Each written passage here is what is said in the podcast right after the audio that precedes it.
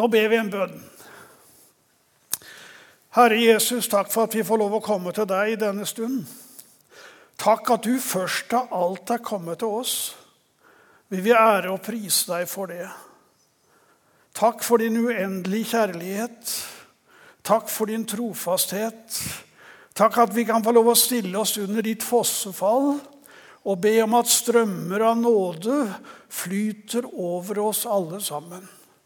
Gi meg den nåde jeg trenger for å kunne tale rett om deg. Så ber vi, Herre, om et åpent øre og et åpent sinn for hva du vil si oss. Vi ærer og priser ditt navn. I Jesu navn. Amen. Når jeg betrakter den første menighet, så synes den å være veldig aktiv og utadretta. Den var synlig på gater og streder, på tempelplassen der mye folk var samlet. Helbredelser, tegn og under skjedde. Evangeliet gikk sin seiersgang, og mange mennesker ble frelst, og evangeliet nådde stadig nye. Når vi betrakter menigheter i dag, vil vi ofte betrakte dem ut fra kirkelokalet. De har en flott kirke, sier vi. Vi, betrakter, vi vurderer litt hvor mange som kommer til gudstjeneste og møter. Vi ser på aktivitetstilbudet. De fokuserer ofte på de ytre ting. Men da som nå så finnes det en usynlig dimensjon som ikke er lett å måle, men som er minst like viktig. Og det Hovedtemaet over disse søndagene er jo synlig og usynlig. Jesus veiledet disiplene sine og sa når du ber, skal du gå inn i ditt bønnerom. Og når du har lukket døren, skal du be til din far som er i det skjulte. Og din far som ser i det skjulte, skal belønne deg åpenlyst. Og apostelen Paulus sier det slik.: Hvis dere ble oppreist med Kristus, så søk de ting som er der oppe der Kristus sitter ved Guds høyre hånd. Ha sinnet rettet mot det som er der oppe, ikke mot det som er på jorden. Dere er jo døde, og deres liv er skjult med Kristus i Gud. Begge disse skriftstedene forteller oss om det synlige og det usynlige.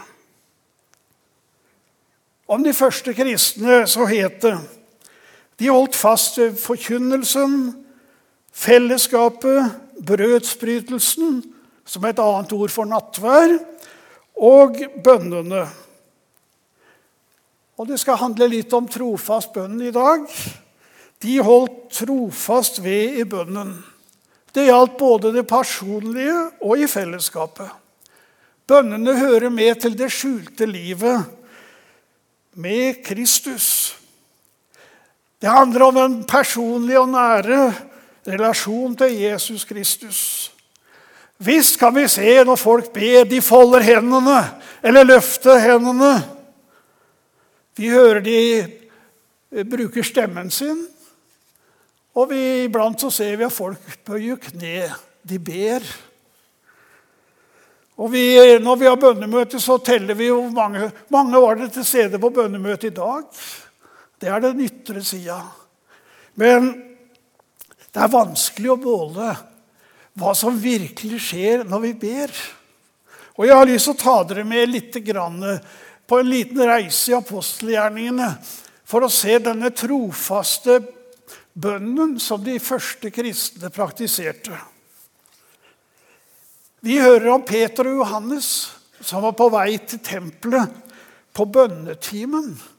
Og de første kristne de holdt ved i jødenes bønnetimer. De passet på dem, og de var stadig i bønn til Gud. Det ser vi flere steder. Så ser vi at Peter var på taket i Jaffa og søkte Gud i den sjette time, jødenes bønnetime. Og når menigheten vokste, og det ble uro i rekkene, for det var ikke alle som fikk mat på den daglige matutdelingen så måtte de administrere om litt. Og og bak begrunnelsen for det så sier apostlene vi vil holde fast ved ordet og bønnene.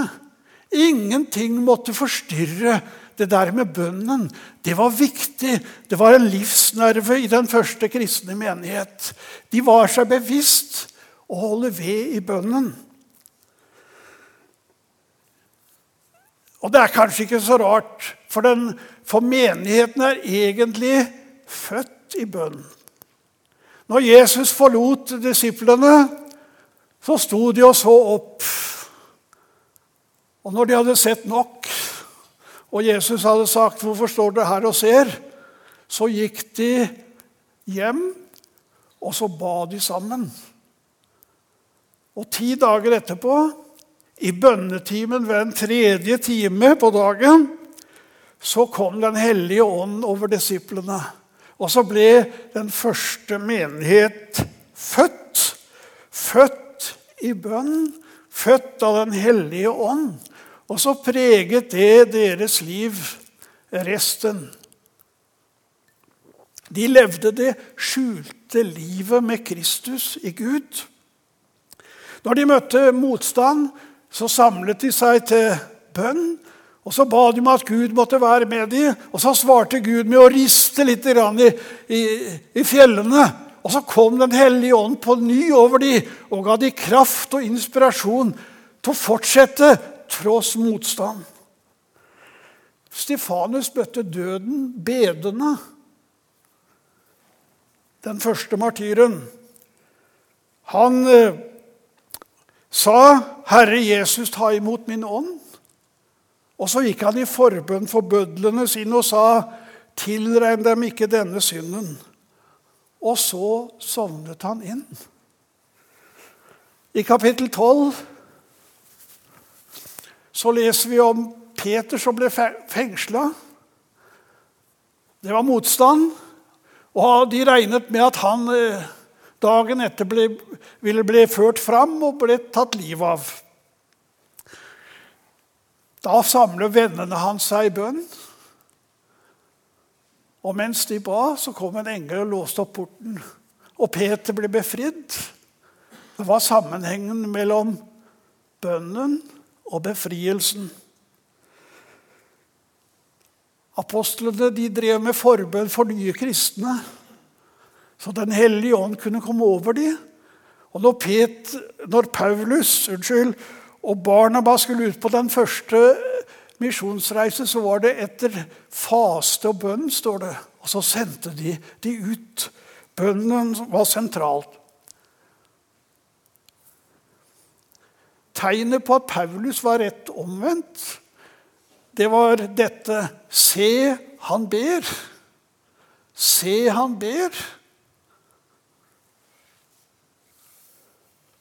Og Så er det interessant når evangeliet går videre til de første, den første hedningen, til Kornelius, som var en romersk soldat som hadde begynt å søke Gud. Så kommer Gud til Peter i bønnetimen. Mens, og så åpenbarer han seg for Peter, og så, og så blir det en sammenslutning mellom de og så får Kornelius oppleve frelsen i Jesus Kristus. Og evangeliet går videre til hedningene. Og Jeg syns også det er interessant å lese om i det 16. kapittelet i apostelgjerningene. Når evangeliet kommer til Europa, så skjedde det ved ja, For det første så, så ser Paulus en, en makedonier som står, og så, så, han ser et syn. Og Så sier han, 'Kom over og hjelp oss.' Og så blir Paulus leda til et bønnested hvor det var noen, noen damer som var samla til bønn. Og så var det begynnelsen på at evangeliet fikk rot i evangeliet. Hvorfor I Europa. Hvorfor forteller jeg det her? De holdt trofast ved i bønnen. Det var sentralt. Det var selve livsnerven i den første kristne menighet. De holdt trofast ved i bønnene, enkeltvis og i fellesskap. Hvor hadde de det fra, da? Jesus lærte de å be. Jeg har lett forgjeves. Har aldri funnet det. Jesus lærte aldri disiplene sine å preke. Men han lærte de å be. Og først og fremst så lærte han de ved sitt eksempel. Hvis du leser evangeliet, så vil du se at Jesus stadig gikk avsides for å snakke med sin far i himmelen. Stadig i stillhet. Han sendte disiplene ut på sjøen, men selv gikk han opp i fjellet for å be. Og Noen ganger så står det at han gikk til Oljeberget. Han var der i bønn. En og annen gang så fikk disiplene lov å være med.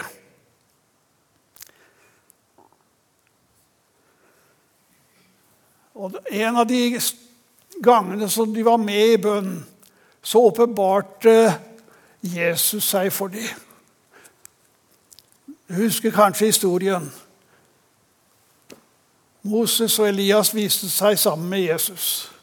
De store profetene i Det gamle testamentet som pekte fram mot Jesus, de viste seg foran. Han, Jesus var Messias. Og så hørte de røsten. 'Dette er min sønn, den elskede i hvem jeg har velbehag.' Så så de, fikk de altså et møte med Jesus på bønnefjellet. Og ved en anledning så sier de etter å ha vært sammen med Jesus, 'Herre, lær oss å be.' Lær oss å be. De hadde sett at det var noe som skjedde når Jesus ba. Og det var kanskje ikke så rart. Jesus vil lære oss også å bevege oss i den usynlige verden. Han vil gjerne lære oss å be og leve i bønnen. Hør hva Jesus sier. Vi leser om igjen. Når du ber, skal du gå inn i ditt bønnerom. Og når du har lukket døren, skal du be til din far som er i det skjulte. Og din far som ser i det skjulte, skal lønne deg åpenlyst. Be i det skjulte. Be i bønnerommet ditt. Be i stillhet. Og så vil du etter hvert få svar så er det ikke avhengig av mange ord. Når dere ber, så bruk ikke meningsløse gjentagelser, slik folkeslagene gjør, for de tror de blir bønnhørt pga. sine mange ord. Vær ikke som dem, for deres far vet alt dere trenger, før dere ber Han. Og iblant så kan eh, bønn liksom eh, bli en oppramsing av mange ord. Det kan bli nesten som et ritual. Og noen sier 'Jeg klarer ikke å be, for jeg finner ikke de rette orda'. Det handler egentlig ikke om ord. Bønn er egentlig hjertespråk. Og det er en liten fortelling i Det gamle testamentet som stadig lever i meg. Det er fortellingen om Hanna. Hun var barnløs og ville gjerne ha barn. Og hun ble eh, mobba pga. at hun var barnløs av en annen dame. Og så var hun innenfor Herrens ansikt i helligdommen. Og så ba hun. Tårene rant, men det hørtes ingen lyd. Bare leppene formet seg i bønn. Og Så kommer presten og så sier han, 'Hvor lenge skal du være full?' Slutt med det der! 'Jeg er ikke full', sier hun. 'Jeg bare bærer min hjertesorg framfor Gud.' Og så syns jeg den er så flott. Det var ikke de det var ikke bønnen som, som holdt jeg på å si, ropte til Gud, men det var den stille hjertebønnen som Hanna ba. Bønn det er egentlig fellesskap med Gud. Jesus forteller oss i Johannes evangeliet at han stadig var sammen med sin far. Han hørte hva han sa, og han så iblant hva han gjorde. Og så var det dette ubrytelige fellesskapet. Hør her. Det samme fellesskapet kan du og jeg få lov å ha.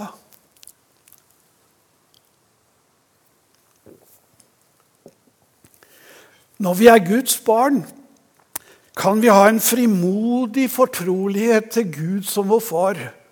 Hør her, du som tror på Jesus. Du er elsket av Gud, din himmelske far. Og jeg skal ta det igjen. Du er elsket. Du er elsket. Det er så mange mennesker som, som, føler på at de er ikke gode nok, og de er ikke det, de ber ikke mye nok, og de, de vitner ikke mye nok. Men allikevel så vil jeg gjerne si til deg husk, du er elsket. Og du er etterlengtet av Gud. Han ønsker å være sammen med deg. Og han venter at du skal komme, både med store ting og med småting. Jeg fant et fint sitat her forleden dag. Bønn er ikke monolog, men dialog. Ikke bare å snakke, men også å lytte. Ikke bare å kreve, men også ta imot. Ikke bare å gi ordre, men også å akseptere. Ikke å forandre Guds vilje til vår, men å oppdage Hans guddommelige plan. Jeg syns det er veldig mye fint i det sitatet. Ikke monolog, men dialog. Det er å være sammen med Gud og, og høre. Og samtidig kan vi få lov å øse ut vårt hjerte for Han. Bønn er et sted der Jesus gir seg til å kjenne for oss. Og tilbake til Jesu åpenbaring på fjellet. Der fikk disiplene se hvem han virkelig var. Den opphøyde gudesønnen, han som Moses og Elias hadde profetert fram imot. De så ham tydelig. Jeg har en opplevelse som jeg er nødt til å fortelle om. Den er gammel, men den sitter fast. Jeg var ung, og jeg skulle ut Jeg gikk på Ansgarskolen og så skulle jeg ut og forkynne den første påsken som jeg gikk der. Jeg hadde gått altså uh, et drøyt halvår. Og så var det sånn at Vi hadde bønn og fastedag på bibelskolen. Og så hadde vi satt av tre timer som vi skulle være på hvert vårt rom, og så skulle vi be. Og så tenkte jeg at ja, det ble kjekt. Nå skal jeg få ro til å forberede meg. Jeg hadde med meg papir og blyant og åpna Bibelen. Jeg fikk ikke skrevet ned et ord.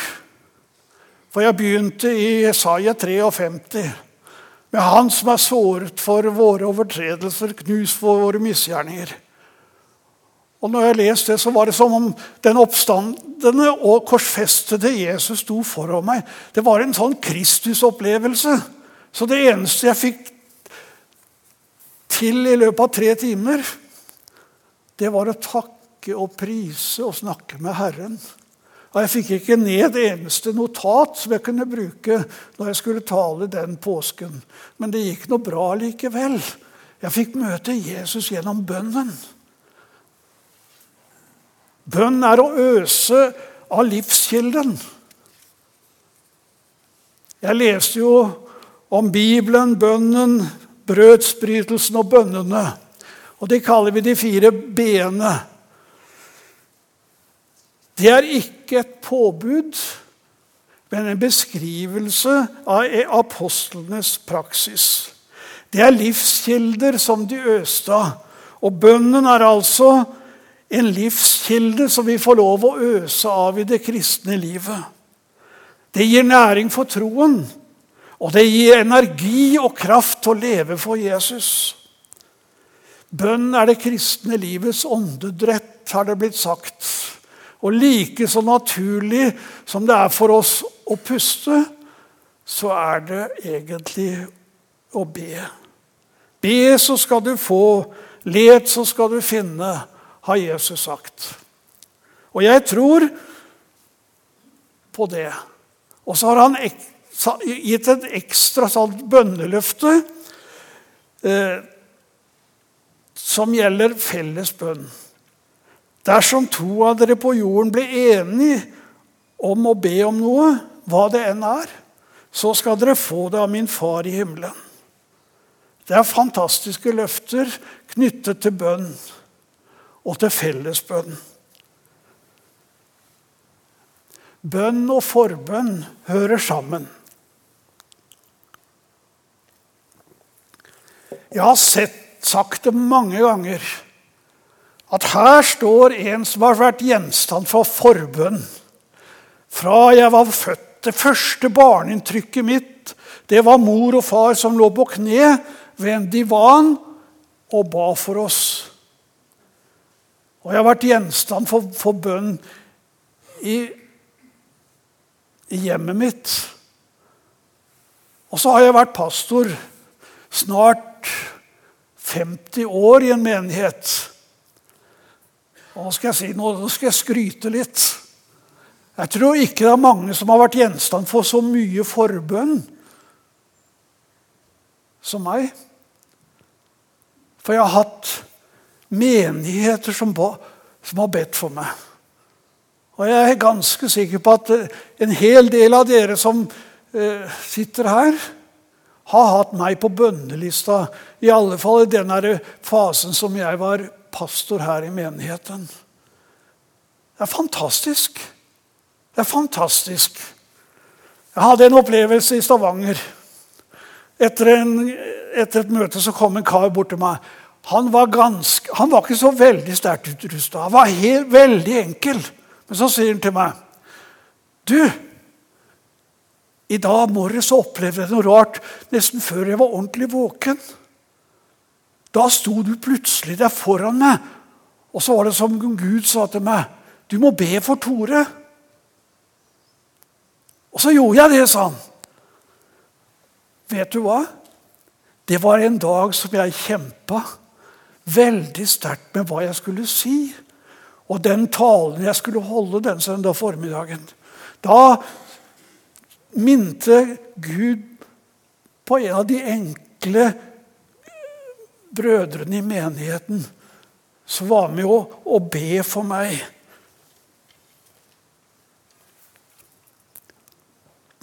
Det er, det er fantastisk å være gjenstand for forbønn. Og jeg vet at noen har fått enkelte personer lagt på sitt hjerte som de har bedt for så lenge de har levd.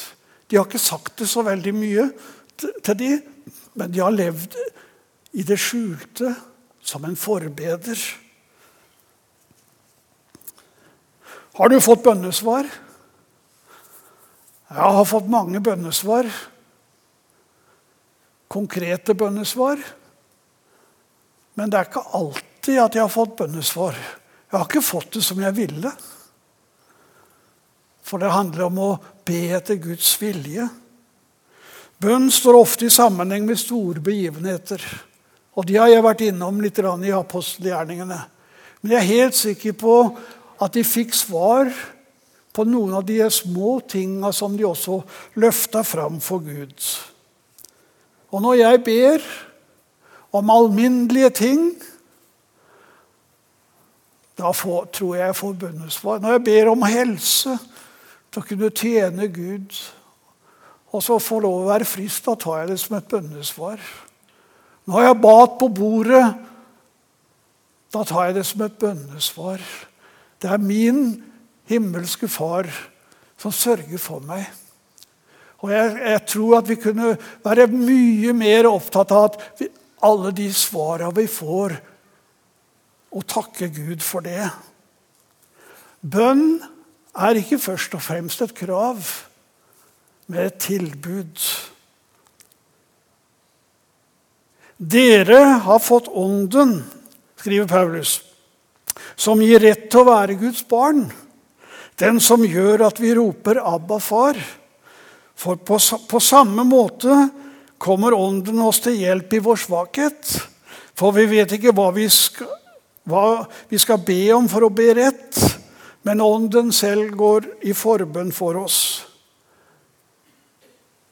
Når du har fått Den hellige ånd i ditt hjerte, så har du fått altså bønnens ånd, og Den hellige ånd skal hjelpe deg og meg til å be. Og Når vi syns det er vanskelig å finne ord, så vil Den hellige ånd hjelpe oss. Gå i forbønn for oss med usigelig sukk. Bønn beveger Guds hjerte. Om de første så het det altså at de var trofast i bønn. Og Jeg har lyst til å avslutte nå. Og så håper jeg at du lar deg inspirere til å være trofast i bønn, enten det er hjemme i rommet ditt, i huset ditt. Finn deg en liten plass eller et, en liten tid hvor, hvor, du kan være alene med Herren og snakke litt med Han. Og Noen sier 'jeg ber når jeg kjører bil, når jeg er aleine'. Du må bare gjøre det, bare ikke kjør utfor. Hva? Vi må, vi må finne rom hver enkeltvis. Det er individuelt. La deg inspirere til å være med i bønnefellesskap, i husgruppa eller bibelgruppa, eller i menighetens bønnesamlinger. Vær en trofast forbeder. Det skjer mye på det usynlige plan når vi ber, men det, det vil også merkes i det synlige. Gud vil gi konkrete bønnesvar når Guds rike går fram. Amen.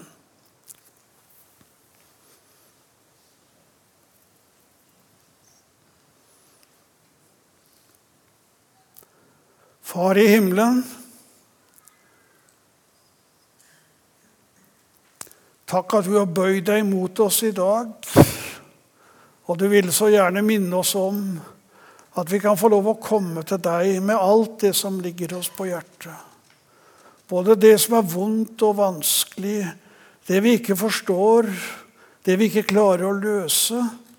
Takk at vi kan få lov å komme til deg med det. Så, så vet du råd så kan vi få lov å komme når hjertet er fylt av glede og takk. Vi vil ære og prise og love ditt navn. Takk at du hører oss. Så hjelper du oss, Herre, til å være trofast i bønnen. Amen.